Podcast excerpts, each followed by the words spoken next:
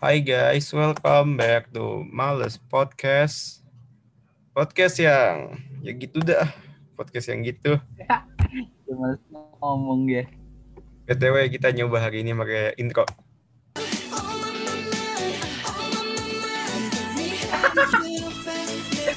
Ada aja gitu lah. Keren kan? Kayak lebih gimana gitu. Kayak ya udahlah. Yang penting biar kagak kaku-kaku amat. Lagian gue juga hari ini gue gue sebenarnya hari ini banyak banyak nonton ya mas. Gue gue nonton Dallas gue nonton Kings gue nonton Spurs but gue nggak tahu ya kayaknya hari ini gamesnya kurang kurang gimana ya.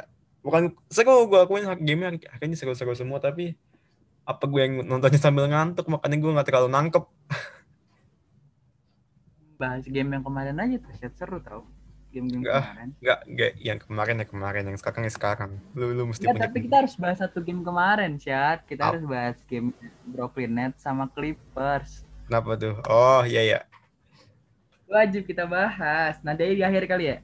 ya udah ini ini gue gue punya satu pertanyaan sama lu lu kalau misalkan apa jadi kapten All Star nih lu lu kalau suruh milih lima starting lu, lu milih siapa coba lu duluan nggak tahu kita, kita Buat, kita ganti-gantian buat misalkan bagian mana, Wes? nggak bebas bebas bebas Buat bagian mana? bebas bebas Bebas, pokoknya terserah gue ya. iya tapi kita ganti-gantian abis lu gua abis lu gua Eh, pas kalau gue ya, kalau gue buat bagian point guard, gue bakal milih siapa ya? Jamoran. oke Ah, kenapa gue pilih Jamoran? Karena dia pemain yang spektakuler dengan umurnya masih muda. Terus gue suka gameplaynya dan ya Jamoran gitu. Terus kalau buat bagian shooting guard, gue bakal pilih Damian Lillard. Oke, itu dua dulu ya. Kalau gua gua point guard pasti gua milih Stephen Curry karena musim ini dia bagus banget. Oke banget musim ini. Lu mainstream banget, Syat. Ya enggak namanya- kan kan kan bebas, kan bebas. Pertama gua pasti Stephen Curry, habis itu yang kedua shooting guard gua mungkin gua bukan shooting, mungkin gua nggak mungkin kayaknya gua nggak mak maybe gua pakai Zach Levine sih. Zach Levine. Yap, Zach Levine. Kalau gue ya lanjut ke bagian small forward, gue bakal milih pastinya LeBron James sih. pastinya LeBron James gue bakal pilih dia. Ya, kita tahu lah pasti LeBron James bakal pilihan lah. Kalau lu small forward siapa? Gua gua small forward, aduh susah ini. Eh dari tim gue ada siapa The Curry, Levine, ya pasti nggak boleh lupa Doncic, Luka Doncic. Gak mungkin lu lupain ya. At- eh, mungkin mungkin nanti gua mungkin nanti kalau gue jadi kapten ya nanti gue switch to Levine jadi small forward, Luka jadi shooting jadi shooting guard. Anjas. Terus lanjut ke bagian power forward, gue pasti bakal milihnya sebagai power forward gue bakal milih Anjir, siapa? berat juga sih. Anthony Davis kayaknya. Iya pasti. Walaupun dia musim ini nggak terlalu bersinar, ya, nggak kayak musim kemarin. Cuman Anthony Davis ya Anthony Davis. Yap. Kalau gua ya, kalau gua sebelum milih power wah, power forward gua, gua milih yang pasti musim ini lagi hot. Ya siapa lagi kalau bukan Kevin Durant? Ya Kevin Durant. Jadi pasti lu milih. Tapi Abis itu center. Lu kalau center naruh siapa? Center ya? Ya, dua nih only. Pasti pemain da Nuggets anjir. Nikola Jokic. Ya Nikola Jokic. Pasti. Lu juga pasti bakal pilih itu feeling gua. Enggak. Enggak karena lu udah milih Nikola Jokic ya, itu gua Bam Adebayo. anjir Bem. Karena Bam Adebayo musim ini bagus tau. Tapi nggak terlalu kelihatan loh. Ya karena dia main di Heat. Heat, Heat kan dari musim. Tapi ada eh, pemain Knicks siapa tuh? New York Knicks.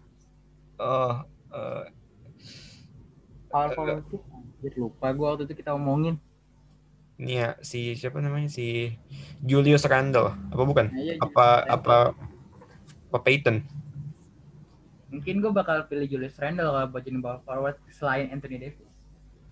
Satu satu apa satu satu sub satu pemain pengganti siapa? Satu sub, satu aja buat pemain pengganti. Aduh, Bradley Bill. gue kayaknya gue kalau gue ya gue sih Demar Derozan ya tapi setelah gue pikir enggak setelah gue pikir lu pilih Demar Derozan iya tapi kalau gue pikir-pikir kayaknya tadi kita belum milih Kyrie Irving sama James Harden kayaknya kurang sah jadi gue James Harden. gue sih nggak bakal milih dua itu sih karena dua itu walaupun kalau James Harden ya uh, dia gamenya masih bagus. Tapi semenjak dia pindah ke Nets dia kurang bersinar tau. Kurang bersinar orang sinar orang bintangnya tiga. Harusnya bersinar banget dong kan bintangnya tiga. Ya kan, ke kan kemarin sempat gue bilang apa mereka mungkin aja uh, mau jadi one of the best dalam hal ofensif tapi juga mungkin aja jadi one, of the worst of defense too. Bukan one of the best ya. all of, of all time ya. Bisa jadi aja. Eh, tapi kemarin spekulasi gue salah berarti. Nggak bukan salah juga sih ya. Bukan nggak nggak salah juga sih. Yang gue bilang kalau misalkan dia mereka bertemu dengan pemain uh, tim-tim yang bisa main two way mungkin dia bakal hancur tapi kemarin dia menang sih akhirnya lawan Clippers. Tapi itu juga kerja keras banget sih lawan Clippers gue tahu. Enggak itu oh game games kemarin ya? Dan, lawan Clippers. Menurut gue kuncinya itu kan uh, Clippers eh net I'm sorry Brooklyn Nets kan sempat ketinggalan kayak ketinggalan 10 poin di awal-awal habis itu disamain lagi ketinggalan. berapa berapa poin lagi habis disamain lagi. Menurut gue kemarin itu kuncinya itu pastinya bukan di defense. Pastinya bukan di defense. Lu kemasukan lu kemasukan segitu banyak defense lu ke mana aja? Lu kan uh, Brooklyn kan kemasukan 120 ya kalau gue nggak salah ya? Ya Brooklyn 120 tapi kemasukan dia bisa berhasil masukkan 124 Iya, ya intinya kunci kemenangan Nets itu kemarin menurut gue bukan di defense ya karena lu kemasukan 120 berarti defense lu ada yang aneh.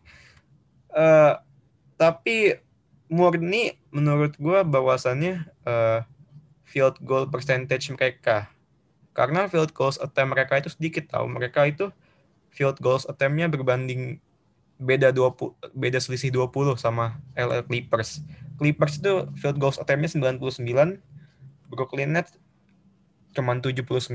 Tapi karena apa ya, percentage berarti bahwa berarti ini membuktikan bahwa tim Brooklyn Nets ini bukan tim yang menyanyiakan keadaan dong.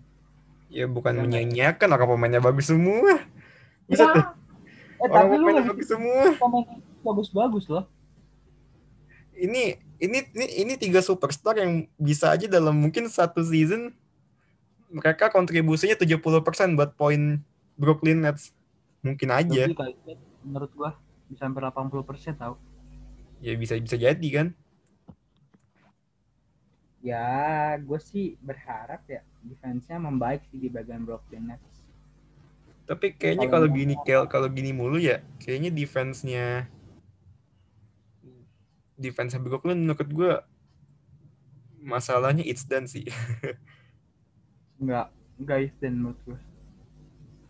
Karena mungkin ya, uh, gini ya, gue melihat highlight pas lagi uh, posisinya uh, Kawhi dijaga oleh James Harden. Itu kan harusnya poin terakhir ya. Kalau misalkan poin itu masuk, uh, bukan menang sih, kayak memperselisih gitu keadaan.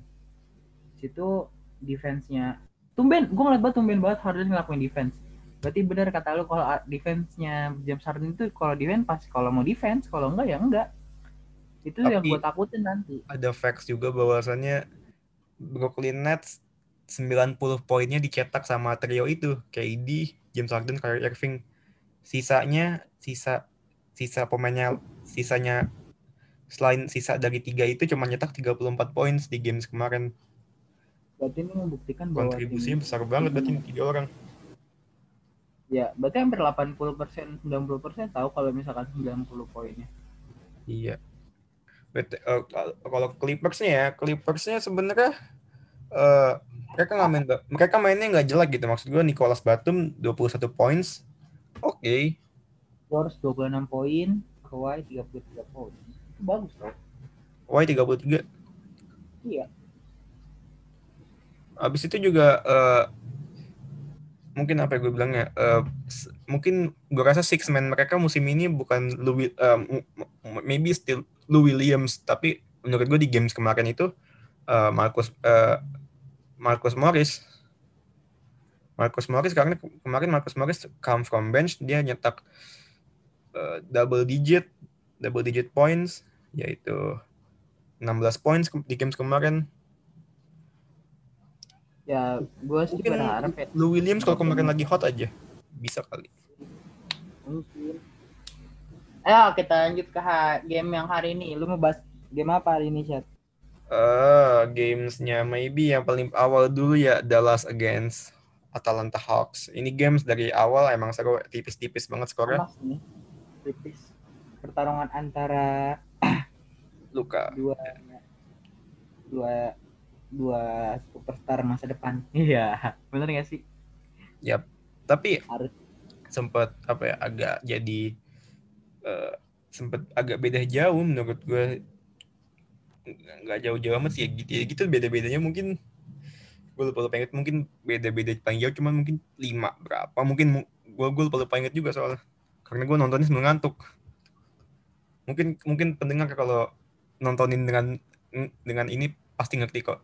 Be- bedanya tipis-tipis paling cuman beda-beda berapa tapi gue rasa hari ini di match hari ini bahwasannya eh, Dallas di quarter 1 sampai quarter 3 I think they do it apa ya great great defense gitu maksud gue mereka doing a zone yang bisa nge-trap Young. Even Young pun dari quarter 1 Trae Young sampai ini- quarter 3 cuman bisa nyetak 9 points doang. Dari quarter 1 sampai quarter 3 tapi ya gua gua nggak ngerti di quarter 4 tiba-tiba Trae Young nyetak 12 points ya itu gila but uh, mungkin kalau gua ngelihat Atalanta ini sebenarnya permasalahannya itu nggak nggak nggak terlalu banyak gitu maksudku ya tim Masalahan di Atalanta bagi gue cuma satu. apa Kalau Trae yang hilang. Kalau misalkan Trae yang gak main, ritme permainan dari Atalanta Hawk itu bermasalah tau. Tapi untungnya di hari ini main. tapi sebenarnya apa ya, mereka mereka megang mereka megang bola nggak terlalu lama gitu.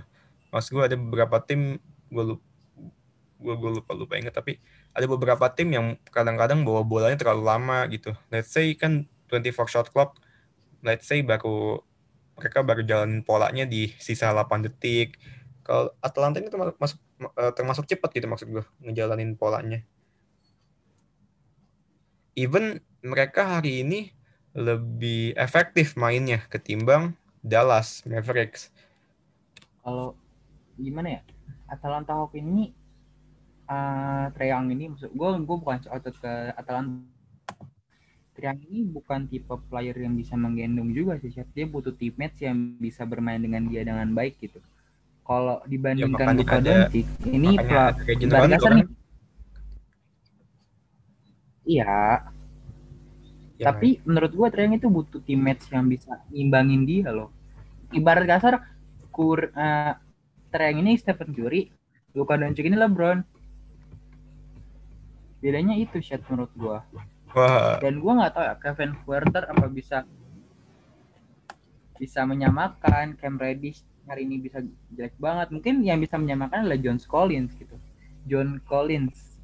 Menurut gue gitu kalau di posisinya seperti ini. Sama Rajon Rondo kan sebenarnya juga menurut gue nggak bagus-bagus amat kan main di Atalanta. Malahan menurut gue ya At- di Atalanta itu yang apa ya menurut gue agak leb- mungkin kalau dari benchnya yang agak apa yang yang lebih kelihatan menurut gue itu Danilo Gallinari shooternya OKC Thunder musim lalu. Oh, dia pindah ke Atlanta karena dia efektif sekali. Maksud gue open look dia masuk. Ya mungkin gue rasa seven apa ya tujuh game lose streaknya Dallas Mavericks kemarin karena ketidakagresifan dalam melakukan defense ya. Maksud gue buktinya Galinari beberapa kali dapat open look gitu. atau mungkin mereka karena bermain lebih fokus mengtrap Trae Young ya jadi Galinari beberapa kali lepas mungkin nggak bakal ada yang expect Gallinari itu bakal seperti ya mungkin expect sih kita lihat dari musim lalu ya. Danilo Iya. ini pemain yang underrated. Kalau dia lagi posisi bagus dia bakal bagus banget. Tapi saat dia posisinya lagi jelek ya selayaknya role player gitu. Bukan pemain yang bisa konsisten konsisten and konsisten gitu. Ya sem gue sih kalau ngeliat Galinari ya kan karena kan karena yang pengen gue lihat lebih hype itu Josh Collins gitu John Collins apa Josh Collins sih dia? John Oh iya, Collins ya? kok gue ngomong Josh sih? John Collins. Gue gue gue, gue lebih pengen lihat John gue pengen lihat John Collins sih lebih apa ya. Tapi kita kalau ke Dallas dulu ini sebenarnya Hawks menurut gue di Atlanta Hawks yang bisa nyimbangin gameplaynya yang Trae ya John Collins doang. Sama-sama pemain muda sama-sama rookie. Bukan bukan rookie sih temannya sama-sama pemain muda lah. Yang bisa nyimbangin ya dia tapi bukan gue mungkin hari ini uh, luck days-nya buat Dallas Mavericks juga ya. Karena kan kemarin kita tahu beberapa hari lalu mereka kalah lawan Phoenix Suns cuma beda satu poin kan? Ya dan kalau kita ngebaca statistik hari ini bahwasannya Dallas Mavericks field goals attempts-nya itu nyampe I'm sorry field goals made-nya 43 43 sementara field goals made-nya Atalanta 45 pasti kan kayaknya skornya agak kurang gimana gitu. Tapi hari ini Dallas Mavericks ada sedikit faktor luck-nya yaitu di free throw. Hari ini mereka dapat Ya, kesempatan nembak free throw 25 kali. Ya, mungkin itu faktor luck ya. Karena kan menurut gua kalau lu mau menang dalam basket nih lu kalau lu kalau mau menang menurut gua ada empat faktor. Ya itu faktor pertama pasti faktor tim lu ya. Tim lu di lapangan tim lu intinya faktor tim lu 30% faktor pelatih lu 30% misalkan dia naruh set play up apa-apa lalu faktor pemain lu 30% lalu 10% yang lagi nih faktor luck. Kalau faktor lucknya kurang ya tiga ini enggak tiga faktor ini enggak maksud gua nggak terlalu tiga faktor ini maybe kurang kelihatan gitu. Kalau ada satu yang kurang faktor entah itu faktor luck atau faktor tim or what tapi ya emang kita nggak bisa pungkiri bahwa faktor luck ini emang pasti ada di basket emang butuh kan maksud gue ya itu yang tadi gue bilang faktor luck itu menurut gue di basket 10% Oke, kita lanjut aja ke gamesnya. Gamesnya apa? Lu, lu mau games apa? gue hari ini pengen gamesnya siapa ya meta gue hari ini nonton cuma dikit banget loh parah Ya udah kita ke game, kita kita ke tim gue Lu dulu. kan San, tim Antonio, sama- San Antonio Spurs. Oh, iya San Antonio Spurs gue menang. ini, ini kalau tim dia lagi menang pasti dibahas terus heran Eh. gue Eh tim gue itu hari ini comeback. Dia dia hari ini comeback dari 97 lah. Mereka kan tadi sempat ketinggalan 9781 habis itu di comeback menang 111 108. Mereka itu even baru leading. bukan Ya, pasti faktor lucknya hari ini semua gue rasa faktor apa ya, Walaupun hari ini Lamarcus Aldridge gak main, Rudy Gay gak main, ya itu sih itu gue gue kehil- gue kehilangan banget itu dua pemain. Tapi eh, dari benchnya Spurs gue rasa ada ada yang lagi panas itu Trey Lyles lagi nyetak 9 poin tadi di games ini. Dia dia juga menurut menurut gue ya box outnya tadi oke gitu maksud gue box outnya oke. Gue sem gue gue gue gue tadi agak sempet gimana gitu karena kan ya ketinggalan 9781 itu kan bukan hal yang bagus ya. pasti lah itu tipis-tipis Tinggal lagi jadi itu 99. pertama, rada-rada kalau misalkan tim lu nggak kuat lu bakal kalah sih pasti Tapi sebenarnya masalah Spurs ini gue nggak tahu ya hari ini Spurs ini serangannya itu benar-benar se- hari ini menurut gue agak beda aja gitu the way Spurs play karena gaya mainnya Spurs ini nyerang ke paint area. Pokoknya ofensifnya Spurs ini hari ini mulainya dari paint area or free throw line entah dari situ di kick out atau di passing ke big man di baseline atau dari free throw line mereka pick and roll. But mungkin ya mungkin Popovich udah tahu ya how to beat this team, how to beat Minnesota karena kan Minnesota juga hari ini apa maksud gue sampai saat ini KAT-nya belum main kan. iya pasti Jadi gue rasa tadi Spurs agak berani gitu mainnya start, eh, start offense-nya dari free throw line paint area tadi. dari situ baru di kick out ke, entah di kick out ke corner, ke wings atau di ke baseline, ya. Yeah. But ya, gue hari ini nggak nonton sama Spurs. Cuman ngelihat komen-komenan aja di grup. But ya mungkin kalau gua apa-apa. Amin ini walaupun kehilangan KT masih bisa ngelawan gitu menurut lo? Iya, Spurs saja kehilangan Aldridge sama Rudy Gay. Tapi kan Demar Derozan, chat. Iya, lah Demar Derozan. Iya, Demar Derozan bagus tadi gue gue sempat bilang dia apa kalau misalkan gue bisa milih gue, gue milih dia. Tapi ini ya, ini yang dinamakan kalau apa ya? Lu lu apa ya, lu hustle hustle ya. Jadi karena field goals made hari field goals made kedua tim hari ini sama tahu 43-43. Tapi Spurs hari ini lebih efektif karena mereka dapat kesempatan nembak 24 kali free throw. Karena 3 point mereka, 3 poinnya Spurs hari ini di bawah 30%. Lagi jelek aja, nggak tahu ngapa. Gue juga bingung hari ini kenapa Spurs 3 poinnya jelek. Pasti susah sih kalau misalkan lagi posisi terdesak kayak gitu untuk melakukan tembakan 3 point itu butuh pemikiran yang pas banget tau sih. Yoi, pemikiran. Anak filsafat bener lu. Enggak, tapi bener loh. Kalau misalkan posisinya nih ketinggalan at least 10 poin deh. Lu untuk melakukan tembakan 3 point itu pasti butuh mikir yang kayak nembak nggak ya? Karena posisinya kalau misalkan uh, lu kurang defense-nya, misalkan lu emak 3 point terus ke fast break dan poin lagi, itu malah tambah, tambah jauh keadaan, bener nggak? Tambah kacau keadaan. Makanya mendingan walaupun nih feel godsnya lumayan jelek emang mungkin kena tekanan mental juga tekanan mental lu selama main dikata-katain apa nam pelatih lu ngomongin tekanan mental. Ya lah gue mah ah itu dah. Tapi kok gua gua gua gua agak shout out ke stat plus apa ke, ke rasio plus minusnya Keldon Johnson sama Looney Walker ya mereka hari ini min 16 stat plus minusnya. Aduh kenapa ya? Sama hari ini juga Looney Walker have a bad game cuma nyetak dua poin. Aduh ayo dong Mas Looney Mas Looney Walker ayo dong Mas Looney Looney itu bagus. Ya emang Looney bagus. Siapa yang bilang Looney jelek? Tapi, kadang-kadang ya dia role player sih bukan player yang starter itu kan udah mulai starter tetap but mungkin ya kalau dari Minnesota sebenarnya permasalahan turnover mereka cuma hari ini cuma 10 turnover ya. Ya mungkin kalau gue boleh bilang uh, mungkin Minnesota ini mesti apa ya nggak boleh gampang puas maksud gue lo leading segitu nggak boleh langsung buktinya tadi kan dia udah sempat leading 9781 eh malah malah kalah. Ya menurut gue itu sih. Ya oke okay lah itu dia tuh mikir kayak ah ya udahlah ini lawan Spurs doang gitu ya.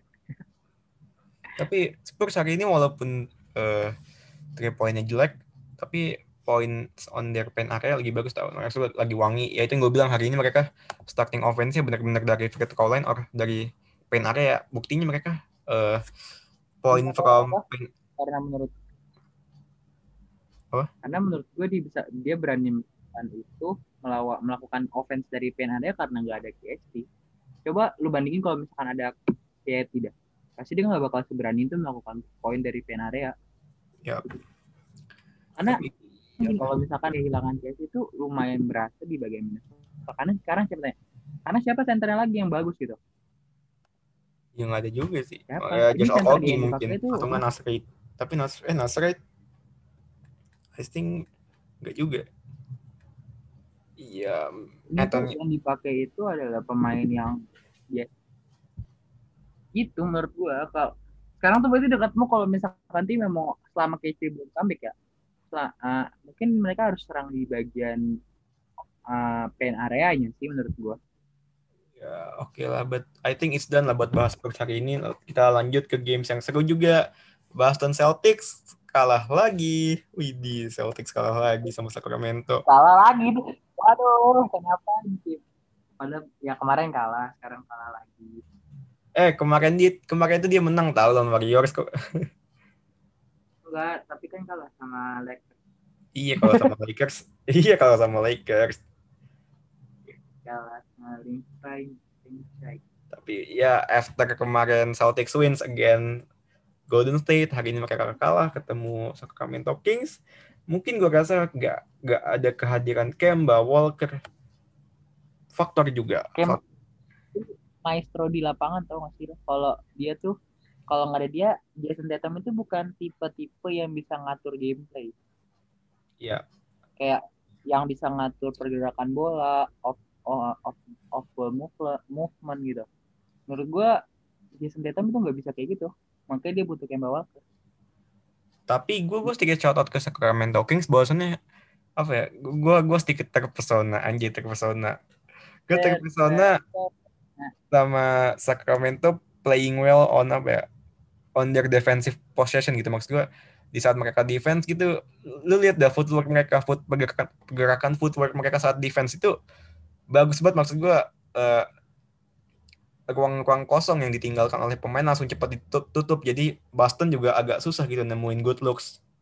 Karena nggak tahu mungkin footwork pemain Sacramento Kings lagi nggak tahu kayaknya bagus menurut gue bagus footworknya mereka ya mungkin udah mulai belajar kali dari podcast kita yang sebelumnya bahwa defensifnya Kat Kings ini rada-rada kurang kalau misalkan dia ditinggalkan dari one uh, di di serang oleh pick and roll dan ngebuat satu ruang kosong gitu.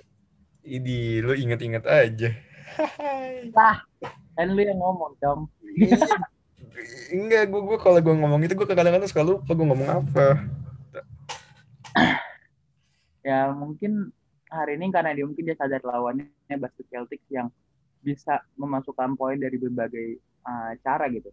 Bisa dari mid range shoot, three point, and pen area gitu. Maka defensif dia mereka harus defensifnya kuat. Karena ada satu pelatih yang bilang sama gue kalau defense lu kuat, tapi offense lu lemah nggak nggak terlalu bermasalah gitu.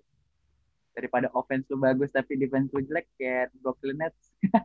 tapi kayaknya Brooklyn Nets gak juga deh. Tapi tapi kita loh, apa apa? Lu lihat kalau misalkan lagi di posisi transisi musuh terus fast break dia bisa nggak se- nggak setenang pemain-pemain lagi. Gitu kalau kayak contohnya Lakers gitu. Di fast break mereka mungkin ngejar tapi nggak tapi dengan keadaan tenang gitu. Kalau Brooklyn Nets enggak coba dah lu perhatiin aja pasti mereka kayak mikir siapa yang mau defense siapa yang mau mau lari ke belakang buat defense-nya itu? Nggak ada. Tapi lu lu kita gue gue sedikit shout out ke pemain Sacramento Kings ya Eh, rookie mereka Tyrese Harry Burton hari ini career high 21 points 4 assist Eh, dia apa ya, rookie pertama dengan 20 poin lebih dan 5 3 points off the bench since Peja Stojakovic in 1999 Buset lama banget ya. Udah berapa tahun? 22 tahun yang lalu. Lo tau nggak Peja lo tau nggak Peja Stojakovic siapa? Buset deh, itu pemain legend banget dah. Enggak, enggak. gue denger Ya, itu pemain ah, legend. itu kan anak milenial mas Iya, tapi Peja Peja Stojakovic itu jago tau mas gue. Ya, itu legend banget dah asli. Gue nggak tahu. Mungkin mungkin Peja Stojakovic itu kalau eh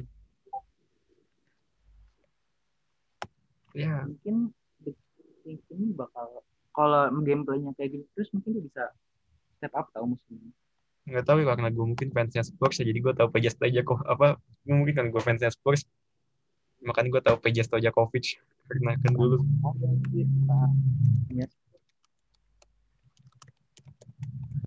Aduh, ya mungkin ke depannya Kings bisa step up lagi sih. ya dia dan kalahin franchise, ah The Worst Story, dia mungkin bisa ngalahin yang lainnya gitu. Kalau dia main defense-nya bagus, bagus ya. ya dan mungkin faktor apa ya, Luck. fak- faktor lemahnya Boston itu masih susah nemuin eh, good look mungkin karena ada Kemba ya karena karena ada yang Kemba Kemba tuh dari zaman di Charlotte dia bisa ngatur gameplay, bisa ngatur uh, ofensifnya, bisa ngatur momentum tim momentum tim. Kalau misalkan Jason Tatum itu adalah pemain yang bermain dengan ala dia sendiri gitu. Ya, Ya, mungkin dia mau cuman dia mainnya dengan ala dia sendiri gitu. Yap. Dan eh, eh coba deh lu majuin dah suara lu kayaknya agak keluar. Ah, maksud gua agak coba-coba A I E O. Nah, oh kan ada. Enggak enggak lu lu agak majuan dikit suara lu agak pelan hari ini enggak tahu ngapa. Ini gue ganti laptop. Ini laptop yang gue bawa ke dalam. Lu orang kaya. Sedang lagi instalasi. Enggak enggak orang kaya gitu biasa. Headset lihat. Ya udah, habis itu kita lanjut ke ke ke mana ayo ke Bucks aja lah ke Bucks Pacers Pacers dibantai cu parah cu Parah. Dibantainya lumayan lagi. Dibantai 20 poin bedanya 20 poin cu waduh. Emang ya ini sebenarnya menurut gua ya emang udah jauh sih. Maksudnya dari first half pun udah beda 29 21 Nah, apa ya? Kalau gue bilang Pacers harusnya bisa uh, nyamain itu loh. Kayak gameplaynya harusnya bisa sama karena masih perlawanan perlawanan itu susah banget. Aja mikir gue masih perlawanan ke gameplaynya sama susah bang. Maksudnya ngasih perlawanan ke Bucks loh karena Bucks gue tadi pagi liatnya nggak terlalu kayak biasa gameplay kayak Yanis yang ah, rada-rada ya rada-rada nggak mau ngedrive ke dalam terus juga lebih banyak ambil di side nah di side lagi buat di ah, ngambil mid range shoot gitu gitu bukan Giannis yang biasa gitu. Harusnya menurut gue di wilayah kayak gini Giannis eh, harusnya ah, pemain dari Indiana Pacers bisa memanfaatkan itu. Lihat di quarter terus sama quarter 2 tadi gue nonton sebentar banget sih cuma ya quarter ini tim quarter ini tim kayaknya enak banget ya maksud gue Bucks hari ini enak banget. Ya mereka even even kuarter 3 pun menurut gue mereka udah menang lah. Mereka udah istirahat aja lah kuarter 3 lah. Hari ini Giannis nyetak triple double dengan memiliki 7 dari 8 free throw dia hari ini masukin 7 free throw dari 8 kali percobaan. Dan juga hari ini benchnya Bucks lagi bagus banget. Si Forbes Brian Forbes mungkin kalau fans Spurs tahu lah. Siapa sih nggak tahu? Brian Forbes. Hari ini nyetak 20 poin. Dan juga eh, benchnya Bucks satu lagi si eh, Bobby Portis juga hari ini nyetak double digit dia Bobby Portis hari ini nyetak 18 points. Dan mungkin ya kalau kita ke Pacers sedikit, menurut gue di Pacers ini eh kurang ada di defense. ya lalu pemain starternya juga hari ini struggle banget maksud gue hari ini lagi struggle.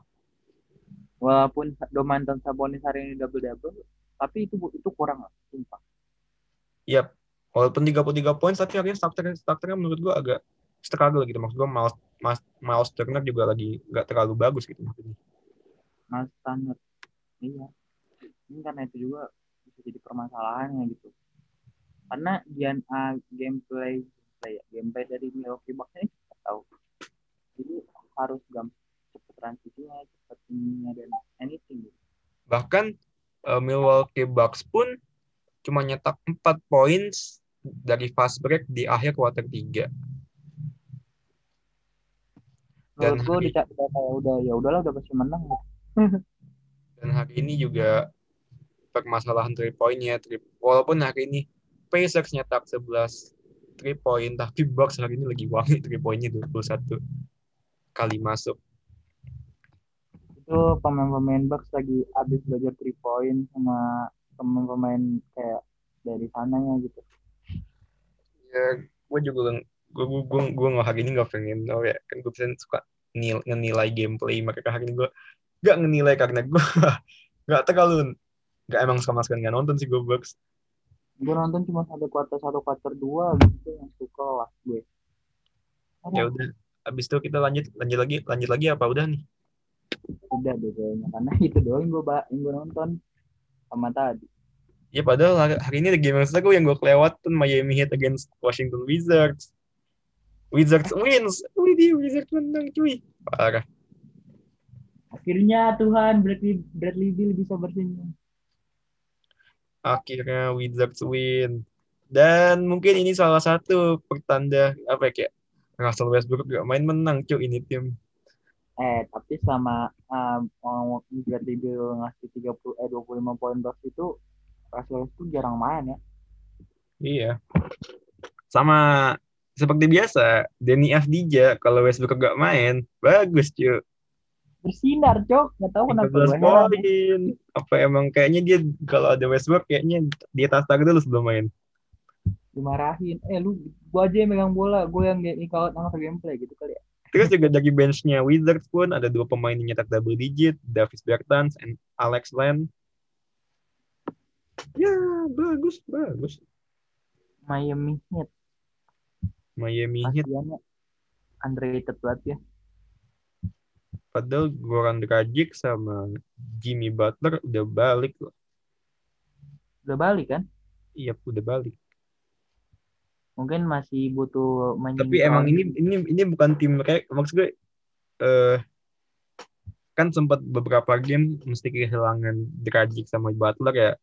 Mungkin baru beberapa game lagi came together. Terus juga Miami Heat kan awal musimnya nggak terlalu oke gitu. Mungkin Ya, ini bakal jadi pengaruh sih Zat kalau misalkan awalnya kurang baik gitu.